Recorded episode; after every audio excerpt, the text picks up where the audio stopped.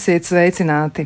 Ir tā, ka cilvēki daudz domā par to, ko viņi ēd, un eh, tas arī būtu svarīgi. Būtu svarīgi padomāt par to, kādu pārtiku mēs izmantojam. Un eh, izrādās arī, ka ir pētīta šīs lietas. Ņūkāslas universitātes zinātnieki no Lielbritānijas ir konstatējuši, ka mm, bioloģiski audzēta kultūra auga satura par 19 līdz pat 69% vairāk antioksidantu nekā parastiem, tā teikt, konvencionāli audzēti dārzeņu un augļi. Un pētījumā ir arī eh, noskaidrots, ka daudz no šiem te antioksidantu savienojumiem ir tikuši mm, iepriekš uztura un epidemioloģiskos pētījumos saistīti ar mazāku hronisku slimību risku, tostarp arī sirds un neirodeģeneratīvajām slimībām un dažādiem vē, vēža paveidiem. Līdz ar to izvēlēties bioloģisku pārtiku ir ne tikai, nu, tā kā var teikt, tāds modīgs mm, paņēmiens, kā dzīvot, bet tomēr tas ir vairāk saistīts ar to, ka veselība, nu, šoreiz arī varētu tikt uzlabota. Tā kā, nu, padomājiet par to, ko tad jūs sev liekat uz šķīvja, bet tas par pētījumiem. Šodien mēs runājam runāsim vēl par ko citu, proti par to, nu kā tad gal galā uzbūvēt māju, lai tā māja ar pirmo piegājienu ir mums pašiem, nevis, eh, nu tā kā teicienā saka, ja pirmā māja ir ienaidniekam, otrā māja kaimiņam, un tad, nu tas trešais, trešais piegājiens, tas ir par mums pašiem. Šodien pētīsim, kā to izdarīt ar pirmo reizi, lai tiešām viss ir labi. Nu, lūk, un uh, uzreiz arī pieteikšu studijas viesus. Pie mums ir Agate Ēniņa, Rīgas Tehniskās Universitātes arhitektūras fakultātes docente, arhitekte, sveicināta! Labdien! Lūk, un vēl arī piebildīšu par agati, kas uzreiz ir tāda, nu, tāda lieta, kas varētu tā ļoti, ļoti norientēt arī mūsu klausītājus. Viņi tiešām varētu arī padomāt par jautājumiem, ko ir vērts uzdot, jo agati eniņa pati atjauno kabels mūžu, ja nu, tur droši vien ir daudz ko darīt, un arī tur būs daudz ko stāstīt ja saistībā ar to, varbūt ne tieši par pašu mūžu, bet par tādiem secinājumiem, kas ir jāņem vērā kaut ko, mm, kaut ko veidojot. Nu, lūk, un arī uh, otra viešņa pie mums ir uh, arhitekte Rīgas celtniecības koledžas arhitektūras tehnoloģija docētāja Gunta Ābels. Sveicināt! Sveicināti! Labdien! Nu, lūk, nu tad eh, vēl arī piebildīšu, protams, ka nu, tā komanda, kas vēl piedalās šajā visā procesā, esam mēs paši. Tātad ar jums kopā šodien Kristiāna Lapiņa, bet pie skaņu pults ir Mārtiņš Paigls un raidījuma producenti ir Loreta Bērziņa. Bet nu gan pie lietas, ar ko tad vispār mēs varētu sākt? Nu, jo mājas būvniecība tas ir ļoti liels, ļoti plašs process, kas var arī ievilkties kādreiz, ja, un citreiz ir tā liekas, ka tas nebeidzās nekādā vienā brīdī. Mēs sākam un tad būvējam, būvējam, būvējam. Bet ar ko sākt no paša, paša sākuma? Ja nu cilvēkam ir tāda doma, es gribu uzbūvēt māju? Nu, Pirmkārt, ir vajadzīgs zemes gabals. Uh, ir jāatrod vieta, kurā mēs vēlētos uzturēties ikdienā. Uh, tas droši vien būtu labi, ja viņš atrastos kaut kur salīdzinoši tuvu um, pārējai dzīvei. Tas nozīmē bērnu skolām, uh, darba vietām un tam līdzīgi. Un, protams, me, tā zemes gabala meklēšana tas ir garš. Ilgs process, un būtu labi, ja tur arī mēs jau paļautos uz kādiem ieteikumiem no speciālistiem. Un tad, kad mēs zemes gabalu esam atraduši un vēl veiksmīgi iegādājušies, tad jau mēs varam ķerties pie šī nākamā solīša. Un tas ir uh, speciālistu meklēšana tieši mājas būvniecības jomā. Un tie varētu būt ieteikumi, draugu ieteikumi, tie varētu būt paši pirmie, jo mēs uzticamies saviem draugiem, saviem kolēģiem, kuriem ir laba bijusi pieredze ar speciālistiem un atrast uh, labu arhitektu, un tikai tad jau pēc konsultācijām var jau sākt domāt par nākamajiem solīšiem. Jā, par to vietu runājot, nu, tas noteikti arī vēl varētu būt saistāms ar kaut kādām tādām nākotnes lietām. Nu, noteikti ir vērts padomāt par to, kas tur varētu būt vēlāk. Ja, jo, ja, piemēram, cilvēks nopērk zemes gabalu nu, blakus lidostai skrejceļa galā gandrīz, jo tajā brīdī tas ir lētāk, pēc tam var izrādīties, ka paplašinoties infrastruktūrai kaut kādai vietai vai, vai kaut kam tur mainoties, nu, tā situācija var būtiski būt citādi pēc kāda laika. Kam vēl būtu jāpievērš uzmanība par to vietu vēl mazliet runājot? Kur, kur var atrast kaut kādu informāciju vai, nezinu, detālu plānojumu un tādas lietas? Ļoti ļoti būtisks jautājums. Uh, mēs esam saskārušies dzīvē, cik neveiksmīgi ir nopirkt šie zemes gabali. Un uh, šajā gadījumā es tiešām ieteiktu pirms zemes gabala iegādes kur viņš ir atrasts un kā tas ir atrasts. Tur ir daudz, daudz ceļu un, un gadījumu un sagadīšanās, un kas tikai nē. Bet tad, kad tas gabals ir ieraudzīts un viņš šķiet tur uz vietas tik jauks un patīkams, un viss ir labi, arī visi tie kriteriji it kā būs, tad noteikti pirms iegādes ir jākonsultējas ar speciālistu, es teiktu, ar arhitektu. Un jāizpēta viss, kas šeit var būt un iznirt nākotnē. Tur var būt tik daudz neredzamu lietu. Pusi zemes gabala kādreiz atņem sarkanā līnija kas tur nav uzzīmēta. Reiz kāds cilvēks teica, bet es tur visu pārslaucīju, visas lapas nogrābu. Tur nebija sarkana līnija. Jā, nu viņš tā burtiski saprata. saprata burtiski. Tas arī ir tāds kā maziņš joks, bet visai nopietns, jo to nevar cilvēks redzēt. To var atrast dokumentos, to var atrast teritoriālajos plānojumos ļoti būtiski, jo aiz sarkanās līnijas nedrīkst celt neko. Kaut arī zemes gabals ir aiz sarkanās līnijas. Un tad cilvēks ir apjuts, jo visi rādītāji, visi, cik liela drīkstēs būt ēka, kur tā drīkstēs atrasties, tas viss sāksies aiz sarkanās līnijas. Svarīgs rādītājs. Otrs ļoti svarīgs rādītājs, kuru var atrast katras vietas abos noteikumos, ir būvlaide izrādās no tās sarkanās līnijas vēl ir jāatkāpjas tieši tik, cik tajā konkrētā vietā ir noteikumos ierakstīts. Un Tas ir tāpēc, lai mēs veidotu skaistu pilsētas vidi, lai mums ēkas nervozi pret ielas fronti. Fronti, līnija, ne, nu, jums jau jā, iezogās jūsu, teikumos, jo profesionālā leksika. Jā, tā tiešām jā, ir. Jā. Mhm. Tā, tad, tā ir ļoti svarīga ziņa. Un tā atkal nosaka ēkas arhitektūru un visu vidi, kā veidosies šajā zemes gabalā vide. Tad otrā pusē ir tāds skaists zaļš grāvītis. Nu, tas gan būs skaists, un tur bērniem būs rotaļu vietas, un tur būs tiltiņi, un tas viss būs tādas skaistas vīzijas. Izrādās, tas ir nopietnas melorācijas grāvis, kuram ir aizsarga josla un dažkārt pat desmit metri uz zemes gabala pusi šķiet, bet tur jau nekas nenotiek. Bet tur var notikt. Tur vienā jaukā brīdī var braukt tehnika. Tur nedrīkst būt nekas, ne žodziņš, ne bērnu laukumiņš, iekārtots, izbūvēts uh, ar mīlestību, jo tas viss tiks nojaukts. Un tas atkal ierobežo visu, ko var šajā zemes gabalā darīt. Un tad ir bijuši gadījumi, kad grib kaut ko attīstīt. Uh, tēvam ir zeme un māja, un dēls tagad kaut ko arī cels. Mēs tur ierodamies un skatāmies, un tur viss sanāk, un viss ir labi, bet virs galvas ir milzīgs elektronisks uh, vats, kuram uz zemes ir ļoti liels aizsarga joslas. Uz katru pusi tur vairāki pieci vai cik metri. Un iznāk, ka tur tā ēka nebūs. Un tad vēl ir jāskatās, vai uh, tajā zemes gabalā izvēlētajā ir atļauta uh, tāda apbūve, kas noteikumos ir ierakstīta. Un Tepat pārdaugā bija gadījums, kur jauns cilvēks būtu ļoti, ļoti sāpīgi skarts. Dažās dienās par lētāku naudu viņš varēja nopirkt ļoti skaistu zemes gabalu, un doma bija tur attīstīt mazu tādu ēku un savu tādu reklāmas biznesu, kā viņš var uzcelt mazu guļbūvi un to cilvēkiem piedāvāt. Tur būs birojs, tur būs šī ēka. Tad, kad dažu dienu laikā veicām šo izpēti, tad izrādās, tur palika tā tīrā zeme.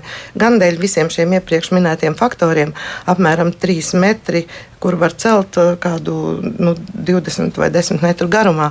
Un tad mēs jokojāmies tā sāpīgi, nu, tur tikai kaziņu ganīt. Tur nevarēja vairs neko uzcelt. Un uh, jaunais cilvēks tika pasargāts no ļoti lielām nu, nepatikšanām. Jā, Tā kā nu, speciālisti ir jāaicina, un speciālists palīdzēs noteikti. Jā. Nu, tas varētu būt tajā brīdī, pat vēl pirms eh, nu, tas cilvēks Tieši. to vietu ir izraudzījies, ja, jo mēs sākam ar vietu tiešām, bet tad droši vien tā vietas izpēta ir ārkārtīgi svarīga. Ja tur parādās daudz ierobežojumu, nu, tad var arī tie plāni nu, nesanākt, ja tā iecerē neīstenojas absolūti nemaz. Nu, jā, vai vēl ir vērts apsvērt kādas tādas eh, vēl citas būtiskas lietas, nu, piemēram, tas pats ēkas eh, mērķis ir nolūks, ja, nu, tad ko es tur, ko es tur, kā es to savu dzīvi tur saredzu, tas mērķis, piemēram, vai es tur gribu dzīvot ar ģimeni vai, vai tas ir citam nolūkam? Tas Kat, ir būtiski. Katras pašvaldības teritorijas plānojumā ir ierakstīts zemes lietošanas plānotais veids. Tas nozīmē, ka ir teritorijas, kur mēs drīkstam celt rūpniecības objektus. Ir teritorijas, kur mēs drīkstam celt uh, dzīvojamās ēkas. Dzīvojamās ēkas ir uh, vienģimenēm ir visplašāk pārstāvētais veids, un viņu diezgan daudzās teritorijās drīkst celt. Bet jo lielāku māju mēs gribam celt, daudz dzīvokļu māju, jo mums vairāk jāskatās, vai tur šāda apbūve ir atļauta. Un, um, un tur Jā, un, un vēl bieži cilvēki nepaskatās, ka tur nav atļauta nekāda apbūve. Tā ir dabas teritorija, kur drīkst celt kādas tikai atsevišķas publiski pieejamas ēkas. E, piemēram, blakus zemes gabalos ir dzīvojama apbūve, saurupmāju apbūve, bet ir teritorija tieši blakus aiz žoga, kur ir dabas teritorija. Un cilvēkam šķiet, ka ja jau tur bija blakus šīs dzīvojamās mājas, tad es arī drīkstēšu savu mājiņu tur uzcelt, bet nekā šī teritorijas plānojumā ierakstītā ziņa mums vēsta, ka šo māju tur uzcelt nevarēs. Un, jā, jā. Tad, tad ļoti bieži sākas dažādi tiesu darbi, un tie ir ilgi procesi, kuru, kur mēs pazaudējam savus nervus, naudas līdzekļus un tam līdzīgi, un pie rezultātu tāpat netiekam. Jā, nu tā, tas ir tiešām diezgan problemātiski pēc tam. Nu, būtu labi ar to nesaskarties. Bet vai ir vēl kādas būtiskas lietas, nu, piemēram, ceļš, kas var izrādīties arī nu, svarīgs elements, jau vai mēs vispār tiekam pie tās ēkas klāt? Nu, kā, kā, kā uz to skatīties, jo tas jau arī ir saistīts ar to vietas izvēli?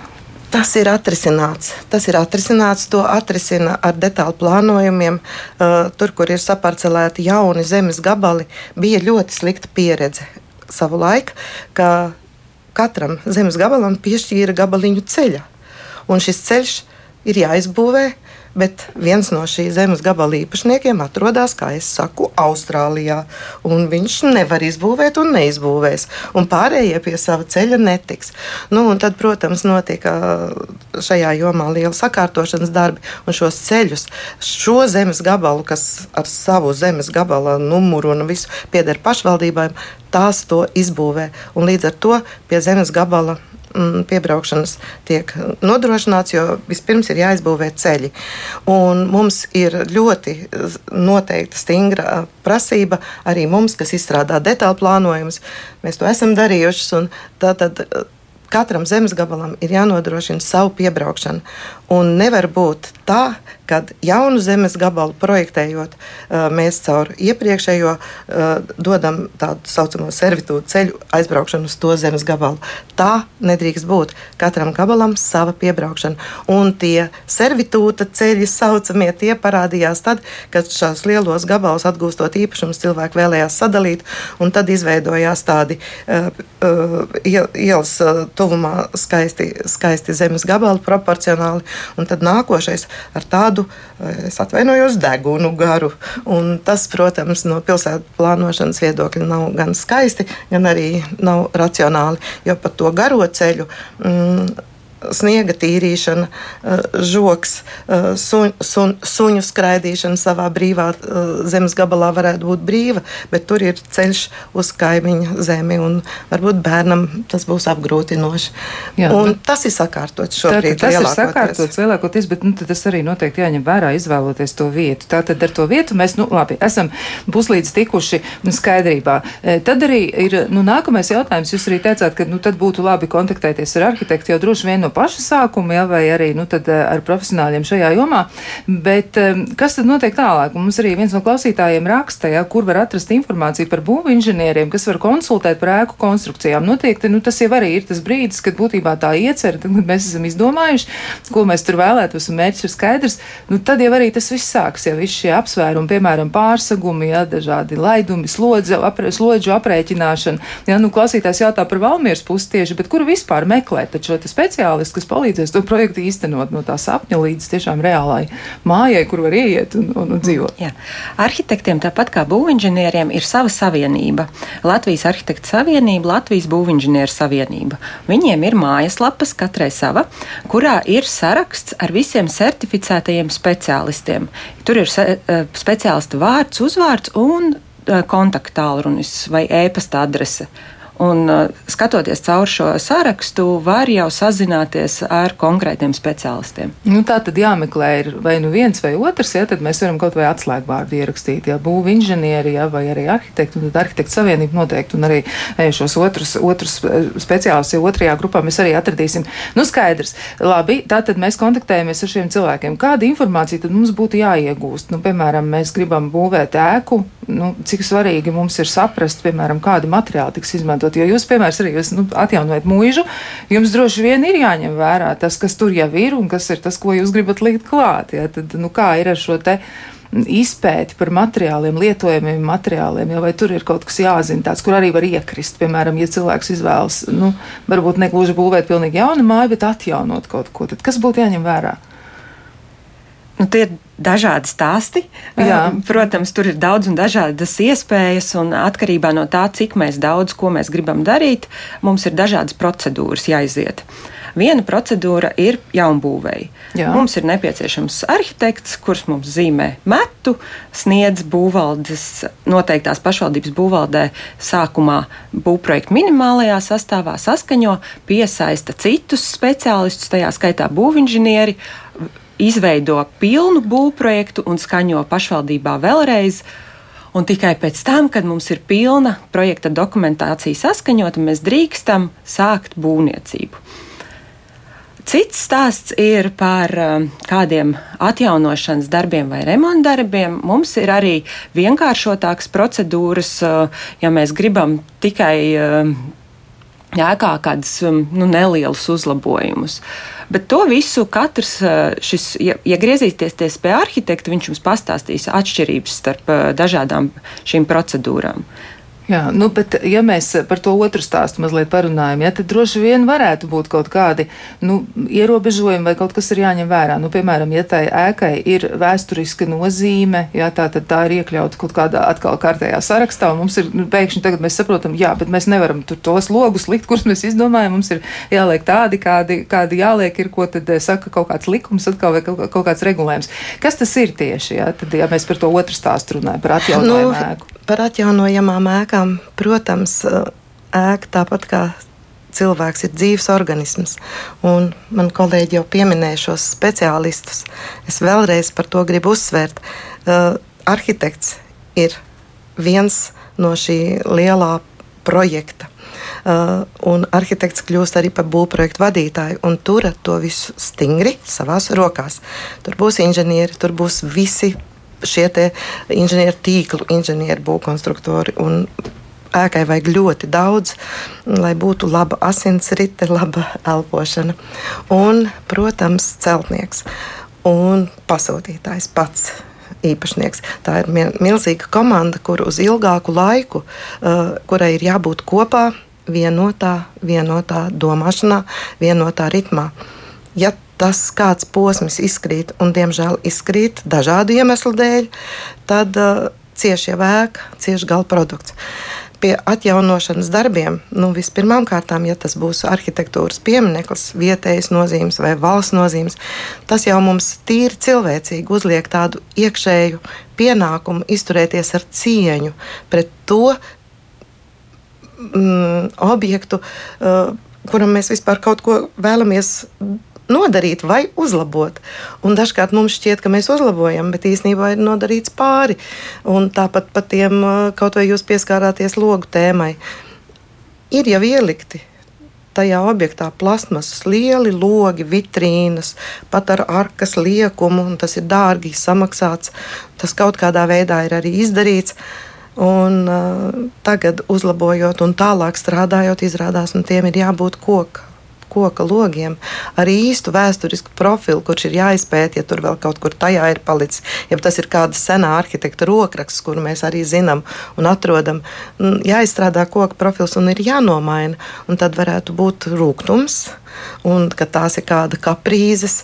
Tās nav kaprīzes, tā ir tikai mūsu vidi, cieņa pret mūsu vidi, pret mūsu arhitektūru. Un tas ir nopietni. Nu, tas, tad, ir nopietni. tas arī jāņem vērā, jo cilvēkam varētu būt daudz, daudz lielāki izdevumi, ja viņš izvēlas tādu vēsturisku ēku. Bet tur ir arī. At... Es neteiktu, ka izdevumi mainās no tā, vai ēka ir vēsturiska vai nē. Mums jebkuri būvdarbi ir jārēķinās ar lielām izmaksām.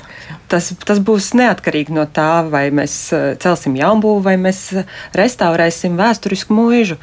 Mēs iespējams pieiesim ar citu skatu šai, šim visam procesam, bet tomēr tās izmaksas jau būs. Nu, jārēķinās ar to. Droši vien, ka šeit arī varētu būt sarežģīti aprēķināt, tā kā amortizācijas spilveni, cik tad liela vajadzētu, ja jau var jau tiešām arī gadīties, ka mēs sākotnēji domājam, ka tas būs nu vienas summas ietverā, un beigās izrādās tomēr, ka tie izdevumi pieaug. Nu, jārēķinās būs ar to. Bet tas laikam arī tā ir, kā jūs teicāt.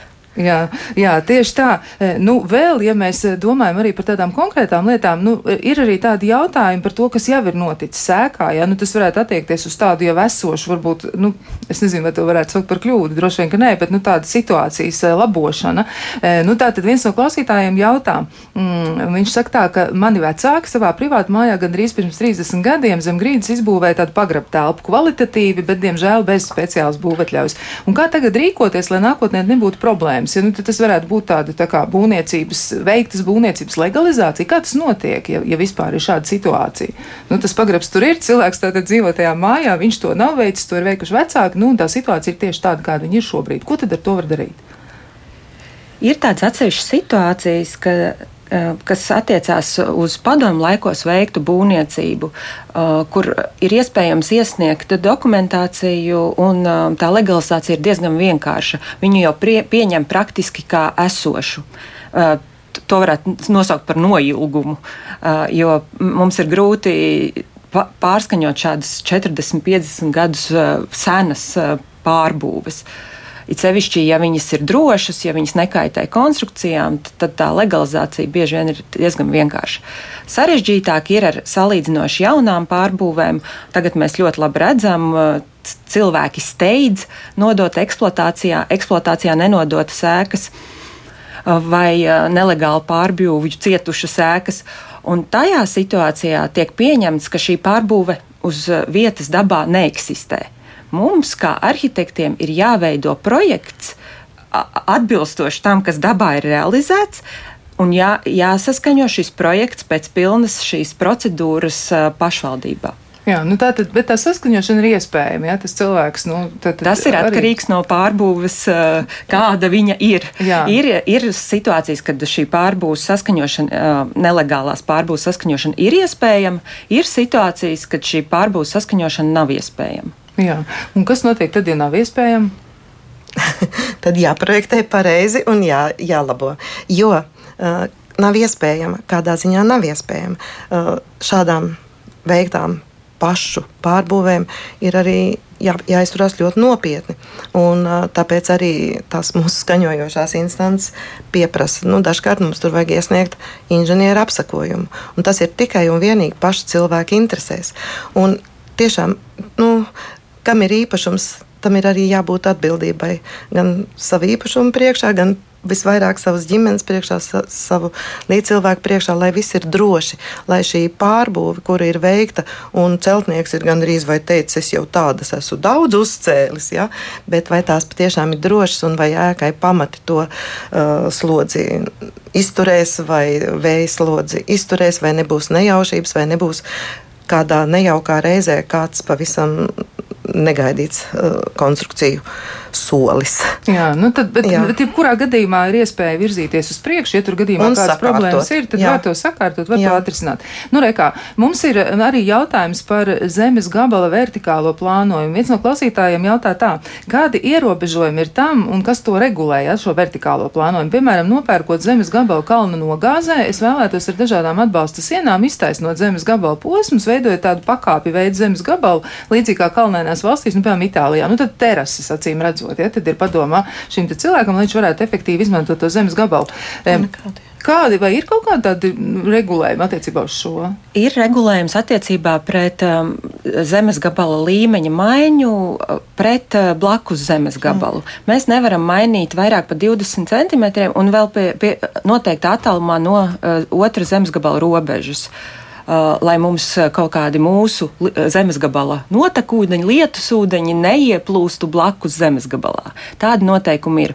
Tāpat ir pašvaldības, kurās ir noteikumi par līmeņa maiņu, augstuma maiņu zemes gabaliem. Jo ir skaistas ainaviskas teritorijas, kur pašvaldības noteikumi neatļauj mainīt šos augstumus zemes gabalam. Bet tas ir jāskatās katrā konkrētā situācijā, bet kopumā zemes gabala augstumu mainīt drīkst. Jā, nu skaidrs. Tā tad atkal tur jau būs tāda, nu, jānoskaidro, ja, ko, ko var un ko nevar izdarīt, un atkal jākonsultējās. Nu, re, vēl viens jautājums ir, nu, kā pēkšņi no jaunā apbūves zemes plāna var pazust apgrūtinājums. Ja? Tātad tas bija asfaltēts ceļš, un apgrūtinājums tiek tā vienkārši likvidēts. Un tā ļoti aizdomīgi. Ja? Tātad ceļš ir un pēkšņi ceļa nav, un, un, un klausītāji arī raksta, ir zināms mērnieks, un viņš izvairās no atbildes. Ja? Nu, kā tas tā varētu gadīties, ka tā kā ir, tā kā nav? Nu, te, te drusciņi vēl prasās tāds precizējums, ja, bet, nu, kad pazudis kaut kas no plāna, tad, tad ko tad dara tādā situācijā? Laikam tā grūtāk komentēt, jo uh, tā situācija ir jāpēta nopietni. Jāpēta jā. vairāk, ja nu, tur vajadzētu vēl kaut kādas papildus detaļas, lai varētu saprast, par ko tur īsti tas viss ir, un, un droši vien jau nu, var, var, var risināt. Bet, nu, Apgrūtinājumi ir ie, ie, ievesti zemes grāmatas dokumentos, jā. un uh, ir vesela tur sadaļa tas ir pietiekoši nopietni. Ja apgrūtinājums tur ir ierakstīts, tad tas apgrūtinājums ir. Tā jau viņš uh, nepazūd, to jau var, nevar izdzēst. Jā. Uh, te varbūt tiešām ir konkrēts gadījums, kas ir Nu, jāskatās, jā, kas tā zemes grāmatā tuvāk. Jā, jā. jā. Nu, labi. Nu, jā, jautājumi aizvien parādās, un klausītāji sāk rakstīt un, un uzdot šos jautājumus. Mēs ceram, ka tiešām būs arī vēl, un e, mēģināsim pētīt tālāk, kā tad nenonākt tādās nepatikšanās, vai arī kā, e, kā tik galā ar grūtībām, kuras ir radušās jau pirms kāda laika. Bet nu, šis gan ir mirklis, kad mēs varam mazliet atvilkt telpu, un tad jau pēc brīža atkal tiekamies, lai turpinātu sarunu. Kā labāk dzīvot? Turpinām sarunu par to, kā būvēt māju, un arī mēģinām eh, nu, iet tādos divos virzienos vienlaicīgi, kā uzbūvēt māju no jauna, un ko darīt tad, ja māja jau ir, nu, piemēram, arī, ja tā ir tāda veca vai pat mūža, ja tāda maza pils, ja varbūt arī kāds cilvēks ir izvēlējies šādu ceļu iet un ir nopircis eh, ēku, kurai ir vēsturiska vērtība, un tad tur arī ir savi tādi zemūdens akmeņi, kuri noteikti ir jāpaman laiks un jāņem vērā daudzas lietas, eh, ar kurām nāksies rēķināties, dzīvojot un, un veidojot savu dzīvi tieši šādā šādā ēkā. Bet eh, vēl arī piebilde par mm, apgrūtinājumiem. Tieši tā arī ir, un arī klausītāji to apstiprina, jā, droši vien ar savu pieredzi. Eh, nu, jaunajos zemes robežu plānos nenorāda apgrūtinājums. Tā tas ir jau pēdējos divus gadus, un apgrūtinājumi ir norādīti zemes grāmatās. Jā, nu, jā. Tātad līdz ar to atbildi ir ļoti konkrēti. Jā, tai, mm, iepriekšējai mm, klausītājai, kur uzdev šo te jautājumu, jā, un tas komentārs varētu būt tieši tāds. Nu, lūk, um, vēl tā tad eh, jautājums ir tāds. Mm, par kārtīgi mūrētu ķieģeļu saimniecības ēku ar kārtīgiem pamatiem. Kāds ir process, lai saimniecības ēku pārkvalificētu par dzīvojamo ēku? Tā tad ēka jau ir un ir saimniecības ēka, tā, tā ir sākotnēji šādi nodefinēta, bet nu, cilvēks ir sapratis, ka tur var dzīvot, jā, var, var, var nu, mainīt to funkciju. Ja zemes gabalā ir atļauta dzīvojamā ēka, tad nav problēmu viņu um, pār mainīt lietošanas veidu, ja tur ir atbilstošas telpas dzīvojamai ēkai. Eh, cits jautājums, ja uz zemes gabala jau ir viena dzīvojama ēka un pašvaldības noteikumi neatļauj divas dzīvojamās ēkas vienā zemes gabalā, tad šo procesu veikt nevarēs. Tā kā vispirms ir jāpaskatās, vai tas ir atļauts veidot šeit vēl vienu, vai, vai arī tā būs vienīgā dzīvojama ēka. Un tad ir tālāk jau tas process, vai mēs gribam pārbūvi, vai mums tur telpas jau ir visas saplānotas tā un izbūvētas, ka tā ir jau kā dzīvojama ēka. Tad mums ir tikai jāmaina lietošanas veids. Jā. Bet, ja mēs gribam pārbūvi, tad mums ir jāveic viss pilnais būvprojekta procedūra, lai mēs uh, saplānotu jaunu funkciju ar jaunām telpām. Uh, un tam mm. līdzīgi. Nu, tas, tas būtu tā vieglāk saprotams uzreiz, ka tad, tas loģiskais process tāds ir, bet ja tiešām tā mm, ēka tur nekas nebūtu jādara, bet tikai tā tad maina to, to, to ēkas lietošanas funkciju, tad kā tas notiek? Tā, ir, tā ir lietošanas veida maiņa. Lietošanas veida maiņa, jā, jā. bet nu tad arī to var jā, iesniedz dokumenti, jā, jā, un, un, un nosacīt notiek. vienkārši. Jā. Nosacīt vienkārši. Labi, nu tad vēl nākamais jautājums klausītājiem ir, kur iespējams pārliecināties par plānotās kaimiņu jaunbūvas likumību, ja? četru stāvu augstumā privātu māju māju rajonā Rīgā ir tāda situācija, blakus esošās mājas nepārsniedz divu stāvu augstumu, ja, un tad, nu, klausītāji grib saprast, vai tiešām šis ir, nu, tā likumīgi, vai viss ir kārtībā. Četri stāvi, ja, nopietni māju uzcelt. Nu, es ieteiktu griezties pašvaldības būvvaldē ar šo jautājumu. Jā. Jā, nu skaidrs. Tā tad arī tur var kaut ko mēģināt noskaidrot. Bet, bet, bet nu, tāds jautājums tieši par to, kas tad būtu, tad, ja izrādītos, ka tas nav, nav, nu, nav atļauts. Ko tad? Tas divs stāvs jauc nost? Kas notiek tālāk? Tad būs inspekcija pieņem lēmumu pieņem lēmumu. Un ļoti iespējams, ka tajā vietā drīkstēja būt tikai divu stāvu apbūve, un ļoti iespējams, ka drīkstēja būt divu līdz pat piecu stāvu apbūve. Un, tad, ja tāda tur ir ieplānota pilsētu būvnieciski, tad tāda būs. Un, protams, tiem cilvēkiem, kam ir divu stāvu ēka, šķiet, nu, šī četru stāvu ēka šeit neiedarās, bet gan jau plānojot visu šo rajonu, profesionāļi to ir ļoti profesionāli izdomājuši, kā tā būve tur arī augstumos varēs atšķirties. Tad, ja tas ir likumīgi, ja tas ir nelikumīgi, tad tāda ēka tur nedrīkst būt. Tad tādai arī tiešām pieņems bargu likumu un būs jānojauc. Nu, trakas lietas. Nu, ja nu, tad, tad tur ir arī notikusi patvaļīga būvniecība. Tā noteikti ir bijusi patvaļīga, jo ja tajos dokumentos, kas mūs regulē, un tie dokumenti jau arī mūs regulē tieši tāpēc, lai cilvēki tiktu aizsargāti, lai tas, kuram ir savs zemes īpašums, uh, lai viņam nepazeminātos tā īpašuma vērtība tikai tāpēc, ka uh, blakus esošais ir izdomājis uh, vairāk, augstāk. Jā, nu tas saulēnais pagalms pēkšņi kļūst vēnains. Jā. Tieši tā, nu, jā. un insolācija ir jānodrošina, un tie ir ļoti nopietni juridiski pārkāpumi. Jā, nu tā tad tur ventilācija, citas lietas, jā, nu vienot sakot, tur, tur ir daudz viskaut kas. Jā. jā, mums ir arī klausītājs zvans, tūliņ arī noskaidrosim, kas ir sakāms. Halo. Jā, mēs klausāmies, Halo. lūdzu. Halo, labdien!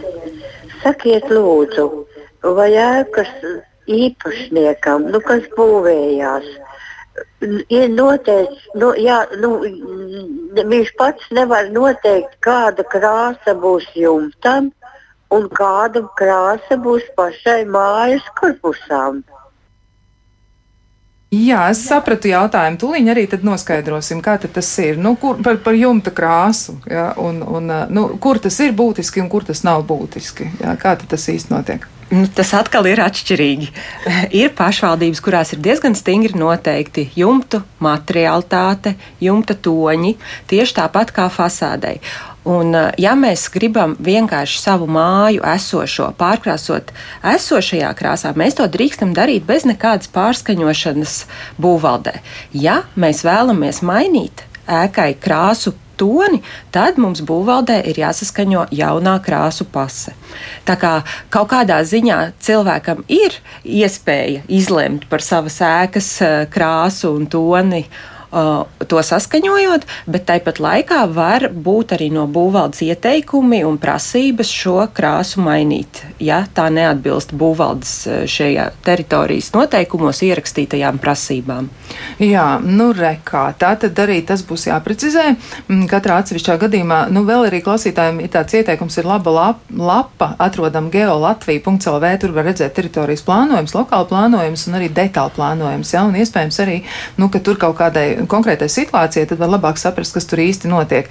Nu jā, e, un vēl ir arī nu, tā, ka mums, mums saka, ka nu, precizējums arī ir, ka tiek izgatavot atsevišķi dažādi šie plāni, zemes robežu plāns, situācijas plāns un apgrūtinājuma plāns. Ja, un tad vēsturiski šī informācija ir tikusi ietverta vienā ja, tādā dokumentā, un acīm redzot, ir arī pat ministra kabineta noteikumi, kas to ir regulējuši. Man liekas, to likumu ir tik daudz, kas kaut ko saka, ko, ko kas un kā, kā drīkst darīt. Mm, jā, nu, vēl tāds jautājums arī, nu, klausīt, klausītāji atzīst, ka ir bēdīgi redzēt, ka skaistām koku mājām tiek ielikt plastikāti logi koku logu vietā, un kā tas ir iespējams, un kā to kontrolē, vai tas tā paliks mūžīgi mūžos. Bet mēs jau šeit atbildējam uz šo jautājumu, jā. Ja, ka tur varētu būt arī tāda prasība, ka tie logi tomēr ir jāmaina. Mm, jā, nu, arī tādi jautājumi par to, kas notiek tālāk, tad, kad māja jau ir uzbūvēta, un tad mēs sākam arī tos nu, tādus tā kā mm, labiekārtošanas darbus. Nu, piemēram, konkrēts jautājums, cik tālu jābūt tujām no žoga un ko darīt, ja tuvis ir pie paša žoga un ēna krīt kaimiņu zemes gabalā. Nu, tur arī ir likums, kas regulē to, cik tālu drīkst ko. Tam jau projektā bija jābūt pareizi, pareizi jā, jā. izveidotam, jā. Jā. gan uh, at, attālumā no robežas, konkrētā projektā. Ja, tā tad arī tā informācija ir jābūt uzreiz. Jau, Tas ir labi iekārtojuma risinājums. Jā. Uh, nu, nopietniem objektiem ir pieci ģenerāli plāni. Uh, viens lielais kopīgais, tad ir inženieru tīklu projektēto plāns, tad ir labiekārtojuma plāns, un arī lielākiem objektiem ir transporta un gāja kustības schēma, lai droši būtu šī drošības sajūta, pārvietojoties zemes gabalā. Un, protams, ir atsevišķi tiek izstrādāts vertikālais plānojums, par ko arī kāds klausītājs Jā, runāja. Tas jā. ir ves, vesels uh, pasākumu komplekss. Jā, nu, eh, arī tādi precizējumi cilvēkiem tomēr ir nepieciešams. Klausītāji nu, atsaucas vēlreiz eh, šis pats klausītājs par nu, to vecāku privātu māju, pagrabu pagrab telpu, ja, kas ir pašrocīgi izbūvēta, ja veikta padomu laikā. Bet nu, tad ar ko sākt? Kāda ir secība? Ja? Nu, piemēram, ja ir šāda situācija, tad tā secība ir kāda? Cilvēks meklē būvvaldes telefonu numuru. Tieši tā, sākt ar būvvaldi. Piezvanīt būvvaldē, izstāstīt savu situāciju, un būvvaldē ieteiks vislabāk, kā rīkoties tālāk. Jā, nu, vēl arī par būvniecības informācijas sistēmu. Šis arī ir tāds jauninājums, ja tur ir daži atvieglojumi arī nu, par būvniecību tieši runājot. Nu, un viens no klausītājiem saka tā, ka te jau visu būvniecību pašlaik kārtojam būvniecības informācijas sistēmā. Projektēšanas procesā daudz kas ir mainījies, gan pats projekts, gan projektētāji, taču tālāko saskaņošanu paralizē būvniecības informācijas sistēmas kļūdas. Jau vairākas nedēļas projektu virzīt tālāk nevar, jo šajā sistēmā nevar nomainīt, piemēram, arhitektu. Un klausītājs saka, tas ir pilnīgi neiedzīgi. Nu, viņa pieredze ir šāda. Kā jūs varētu komentēt to, kā cilvēkiem vispār klājas, ja, tad, kad viņi tagad izmanto šo būvniecības informācijas sistēmu? Nu, praktiski jau visi projekti, kas tagad tiek skaņoti, tiek skaņoti tikai caur šo būvniecības informācijas sistēmu. Gan drīz vairs nemaz neeksistē cita veida projekti. Viņa ir ļoti ērta no tā viedokļa, ka mēs paši eh, redzam visu dokumentāciju vienu vietu. Viņa nekur nav noklīdusi, viņa ir šai sistēmā pieejama no mājām, no jebkuras vietas, kur mums ir pieejams internets. Un eh, tādā veidā mēs spējam arī komunicēt ar visiem pārējiem procesā iesaistītajiem, ar pašvaldību, būvvaldu, ar visiem inženieru tīklu turētājiem. Arī pasūtītājs redz visus šos saskaņojumus un nesaskaņojumus. Jā, protams, kā jebkurai sistēmai, viņai ir kļūdas, kas uh, tiek uzlabotas. Protams, ka mēs kā speciālisti gribētu, lai tās kļūdas tiek novērstas ātrāk un lai tas, um, tā sistēma kļūtu ērtāka lietotājiem un tāda skaidrāka, intuitīvāka. Bet, nu jā, kā ir, tā ir.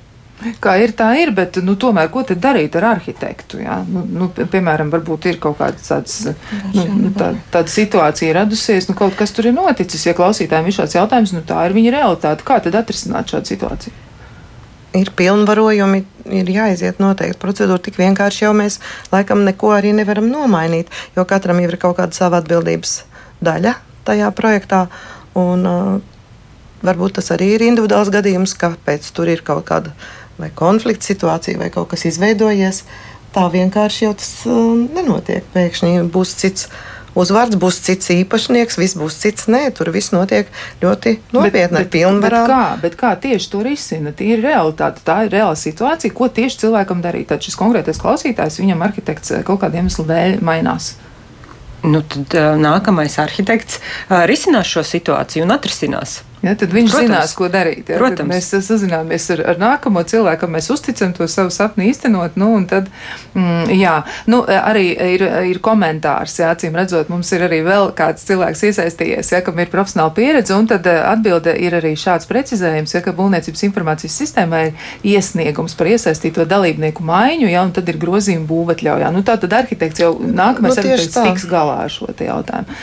Ja, nu, tātad klausītājiem iesakām, nu, tad eh, kontaktējieties ar, ar, ar nākamo arhitektu, ar kuru cerams attiecības būs labas, un tad arī viss atrisināsies. Uzticiet viņam to, viņam ar to tiešām būs iespēja tikt galā. Viņš zinās, eh, kā to var izdarīt. Nu, labi, bet virzoties tālāk, mēs tātad jau esam, esam tā teikt, tajā mm, nu, mājā iekšā, jā, mums jau ir kaut kas noticis, kaut kas jau ir sabūvēts. Kas vēl tur būtu jāņem vērā? Nezinu, āders, vēl kaut kādas lietas. Kas ir tas, uz, uz, uz nu, kā saka, sadzīvis, uz ko cilvēki uzraujas, ja? kas ir tie grābekļi, uz kuriem viņi kādreiz uzkāpja, par ko viņi nepadomā, būvējot ēku.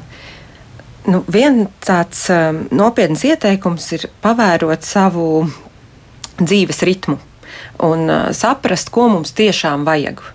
Uh, Pirmo reizi projektējot māju, šķiet, ka mums vajag kaut ko ļoti lielu, mums vajag daudz. Vai tieši otrādi mums neko nevajag, mums nevajag nevienu palīgu telpu, kur nolikt uh, lietas. Un, uh, nu, pavērot, kas mums pa, savā šajā dzīves vietā trūkst vai netrūkst, un saprast arī to, ka mūsu bērni ļoti ātri izaug. Un, un tās uh, ļoti lielās mājas ļoti ātri var arī iztukšoties. un, un tādu sabalansētību. Jo tad, kad uh, jūs nāksiet pie arhitekta, arī arhitektam būs daudz vieglāk, ja jums būs sagatavota tāda projektēšanas uzdevums, tā saucamais, vai telpu programma. Ko tad jums tiešām vajag, kāds ir jūsu vajadzības, jūsu ģimenes vajadzības? Tas ir tāds pirmais grābeklis, atnākot pie arhitekta, nezināt, ko mēs gribam, nemaz neko nezināt. Tad otrs, ko vajadzētu noteikti ievērot, tās ir debesu puses um, kā mēs ēku izvietojam pret debesu pusēm. To arhitekti zinās, uh, kur mums vajadzētu rietumu saulīti, kur mums vajadzētu rīta saulīti, un uh, ku, no kurienes pūš galvenie vēji, no kuriem mums vajadzētu pasargāties. To, to arhitekts palīdzēs. Uh, tad vēl viena lieta ir um, uh, komunikācijas. Uh, par šo komunikāciju pievilkšanu pie ēkas. Tas arī var būt ļoti liels grābeklis. Mēs it kā esam pilsētā, pat pilsētas centrā, un izrādās, ka mums nepietiek komunikācijām jaudas kaut kādām konkrētām. Un tad tur sākas ļoti liela sarežģījuma, jo tā komunikācija izbūve var būt ļoti dārgs process. Jā, nu tā tad arī tas ir eh, tiešām ļoti, ļoti nopietni. Tas varētu arī būtiski ietekmēt patiesībā to izvēli, jā, jo jau izrādās, ka tur kaut kas nav iespējams, nu, piemēram, jā. kaut kāda apkursa sistēma noteiktā veidā, ko cilvēks ir iecerējis, un tur viss ir citādi. Tas viss arī ir tajā, varētu pat teikt, savā ziņā pirms projekta stadijā. To visu izpētīt, izpētīt centrālos uh, inženieru tīklus, kuriem iespējams varēs pieslēgties. Un gribu vērst uzmanību uz tādu interesantu vārdu spēli, ko mēs jau lietojam šodien minimālajā sastāvā, projekts, un šis vārds minimālajā ir mulsinošs un ļoti, ļoti uh, maldinošs. Uh, pasūtītājs dzirdot, ka arhitekts var iesniegt projektu minimālā sastāvā, un arhitekts to var darīt. Tiešām iesniedzot, tur ir tikai galvenie risinājumi, uh, ēkas novietnē, skati, risinājumi.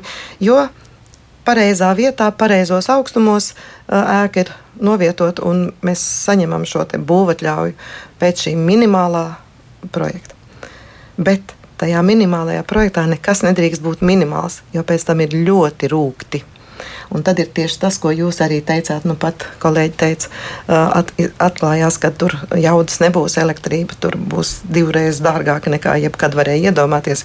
Būs kaut kas jāizbūvē pilnīgi no jauna, jeb arī pieslēgumi būs ļoti, ļoti tālu un tā tālāk un tā tālāk. Bet tas viss profesionālam arhitektam ir jāizpēta, dēļ sava pasūtītāja jau minimālā sastāvā laikā, minimālā projekta izstrādes laikā. Un praktiski uh, projekts ir uzprojektēts pilnībā. Bez sīkākas detalizācijas, minimālā projekta sastāvā. Un tur to visu savās rokās tiešām tur arhitekts. Un arī atbild par to visu, nu, tīri savā profesionālajā ētikā. Tā tad nebūs nekādi tādi pārsteigumi, kad ir saņemta šī būvatļauja, un tālāk tiek izstrādāts jau projekts, lai saņemtu atļauju celtniecības darbu uzsākšanai, un tad atklāsies, ka tā jau nevarēs, ka tā jau nebūs, un vajadzēs daudz savādāk kaut ko pārprojektēt, un tad gandrīz vai sanāk projektēt otru projektu. Jā, nu tā tad eh, nopietnas lietas varētu būt darāmas. Nu, vēl konkrēts jautājums ir, eh, ko darīt tad, ja māja ir nodegusi, un māja nodegusi ir pirms 29 gadiem, un nu, joprojām ir būgruži. Nu, ko tad dara šādā situācijā? Acīm redzot, tas zemes gabals tur tā arī ir, ja tad, tad mājas drupas tur stāv. Nu, kā, kā rīkojas šādā situācijā, kā tos būgružus vienkārši aizvāc? Nu, laikam gan. Jā, nu tad uh, droši vien tur arī var, var konsultēties ar būvvaldi. Kaut gan, e, nu, saka daži klausītāji, ka mēs vairāk kārt iesakām vērsties būvvaldē, jā, bet, nu, ko darīt tad, ja būvvalde ir zaudējusi uzticību, jo ir tādi precedenti, ko, nu, šis konkrētais klausītājs ir novērojis, ka, nu, šķiet, ka būvvalde apzināti darbojas dažu cilvēku interesēs un drusku tā kā piever acis jau uz kaut kādiem pārkāpumiem attiecībā uz citiem kaimiņiem. Un tad tie cilvēki, kas ir tādi, tā, tā tie, nu, kas grib noskaidrot lietas un, un, un, un cik skaidrībā par to, kas ir, nu, tad būvvalde viņus tur tā īpaši nemīl, ja, un ir mm, vairāk precedenti bijuši nevis tikai viens gadījums, ja par kaut kādu šādu te ļoti tādu negatīvu pieredzi. E, jā, nu, tā nu tas ir, bet tās attiecības droši vien ir jāmēģina kaut kā konstruēt. Nu, citu variantu jau nav. Jā. Mm -hmm. nu, tā nu, ir. Nezinu. Nu, tā mājas, mājas būvniecība tomēr nu, ir tāds ļoti, ļoti plašs temats. Mums arī klausītāji te atzīmēja, ka nu, mums ir tāda ļoti, ļoti vispārīga saruna. Nu, tā gluži mēs nevarētu teikt, ja, bet šis temats tiešām ir ļoti, ļoti plašs. Un vienā raidījumā mēs arī nespēsim atbildēt uz visiem jautājumiem, jo tur jau katrai situācijai ir kaut kāds noteikti konkrēts risinājums. Bet nu, tādu kopsavilkumu izveidojot, varbūt atgriežoties pie tā paša sākuma, nu, jūs teicāt vieta, bet man liekas, ar to vietu visvairāk saistās tās, nu, tās um, plānošanas idejas. Ja? Tad, nu, kas ir vēl tas, ko jūs ieteiktu? Jo mēs esam nu, gandrīz jau raidījuma noslēguma fāzē. Ja? Mums ir jā, jāpasaka kādi ieteikumi tiešām, nu, kas, kas ir jūsuprāt no pieredzes, eh, ko jūs eh, zinat, kas ir nu, kaut kādas, es nezinu, nu, trīs vissvarīgākās lietas, kas ir jāņem vērā, sākot eh, īstenot savu ieceru par savu māju. Nu, no pieredzes vismagākās šajā visā procesā ir tieši paši būvdarbi. Jo šīm um, pasūtītājiem bieži vien, kas ceļ savu privātmāju, viņam nav pieredzes ar būvdarbiem. Un tad um, pēdējā gados mēs esam diezgan daudz aizguvuši no Skandināvijas šo um, moduļu māju celtniecību. Vai tieši otrādi mums ir arhitekti izstrādāts būvprojekts un tālāk jau viņu izgatavo rūpnīcā. Rūpnīca uzņemās atbildību par šīs mājas konstrukcijām, izgatavo pusgadu laikā rūpnīcā, atved uz jūsu notrādīto zemes gabalu un dažu nedēļu laikā jūsu māja ir gatava. Tas, eh, es teiktu, ir mans eh, lielākais ieteikums tiem, kas eh, tiešām nav saskārušies ar šo būvniecības un celtniecības procesu, apsvērt šo māju izgatavošanu.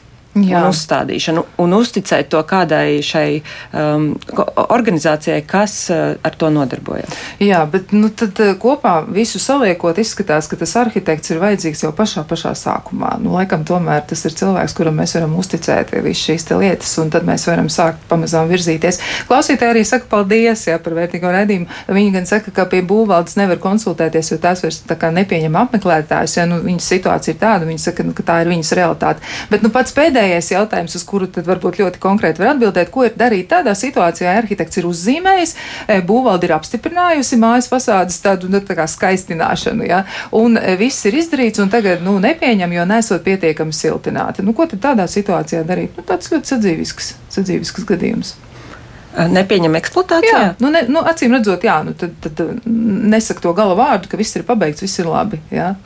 Ir, ir veikti fasādes darbi un eh, nav pietiekami siltināts. Tā tad ir kaut kāds iebildums. Acīm redzot, ir neatbilstība projektam. Nu, ja eh, šie būvdarbi neatbilst projektam, tad būvniekam būtu jānovērš jā. savas kļūdas. Nu, tad Tā var mēģināt. Tā varētu. Jā. Ja? Nu, labi, nu skaidrs. Nu, ko, nu, var teikt tā, mēs to ceļu esam sākuši iet, nu, noteikti šī saruna būs jāturpina, ja, jo tiešām ļoti, ļoti daudz dažādi jautājumi būtu vēl risinām, un tās situācijas arī var būt bezgalīgi dažādas, un, un mēģināsim tad arī turpināt to ceļu, tiešām saprast, kas un kā, lai palīdzētu klausītājiem tos savas mājas tomēr sekmīgi sabūvēt. Paldies, teikšu paldies studijas viešņām Agatē Eniņai, Rīgas Tehniskās Universitātes arhitektūras fakultātes docentei, no arhitektei un arī Guntai Ā. Ābelē, Rīgas celtniecības koledžas arhitektūras tehnoloģija docētāja, un arī viņi ir arhitekti. Paldies tiešām par jūsu ieteikumiem, kas jau šobrīd mums ir. Nu, tad to mēs ņemam, eh, kā saka, liekam kabatā, ekipējamies. Nu, turpināsim, lai jums tiešām skaisti izdosies diena un lai tās mājas uzbūvējas tiešām labas. Lai veicas!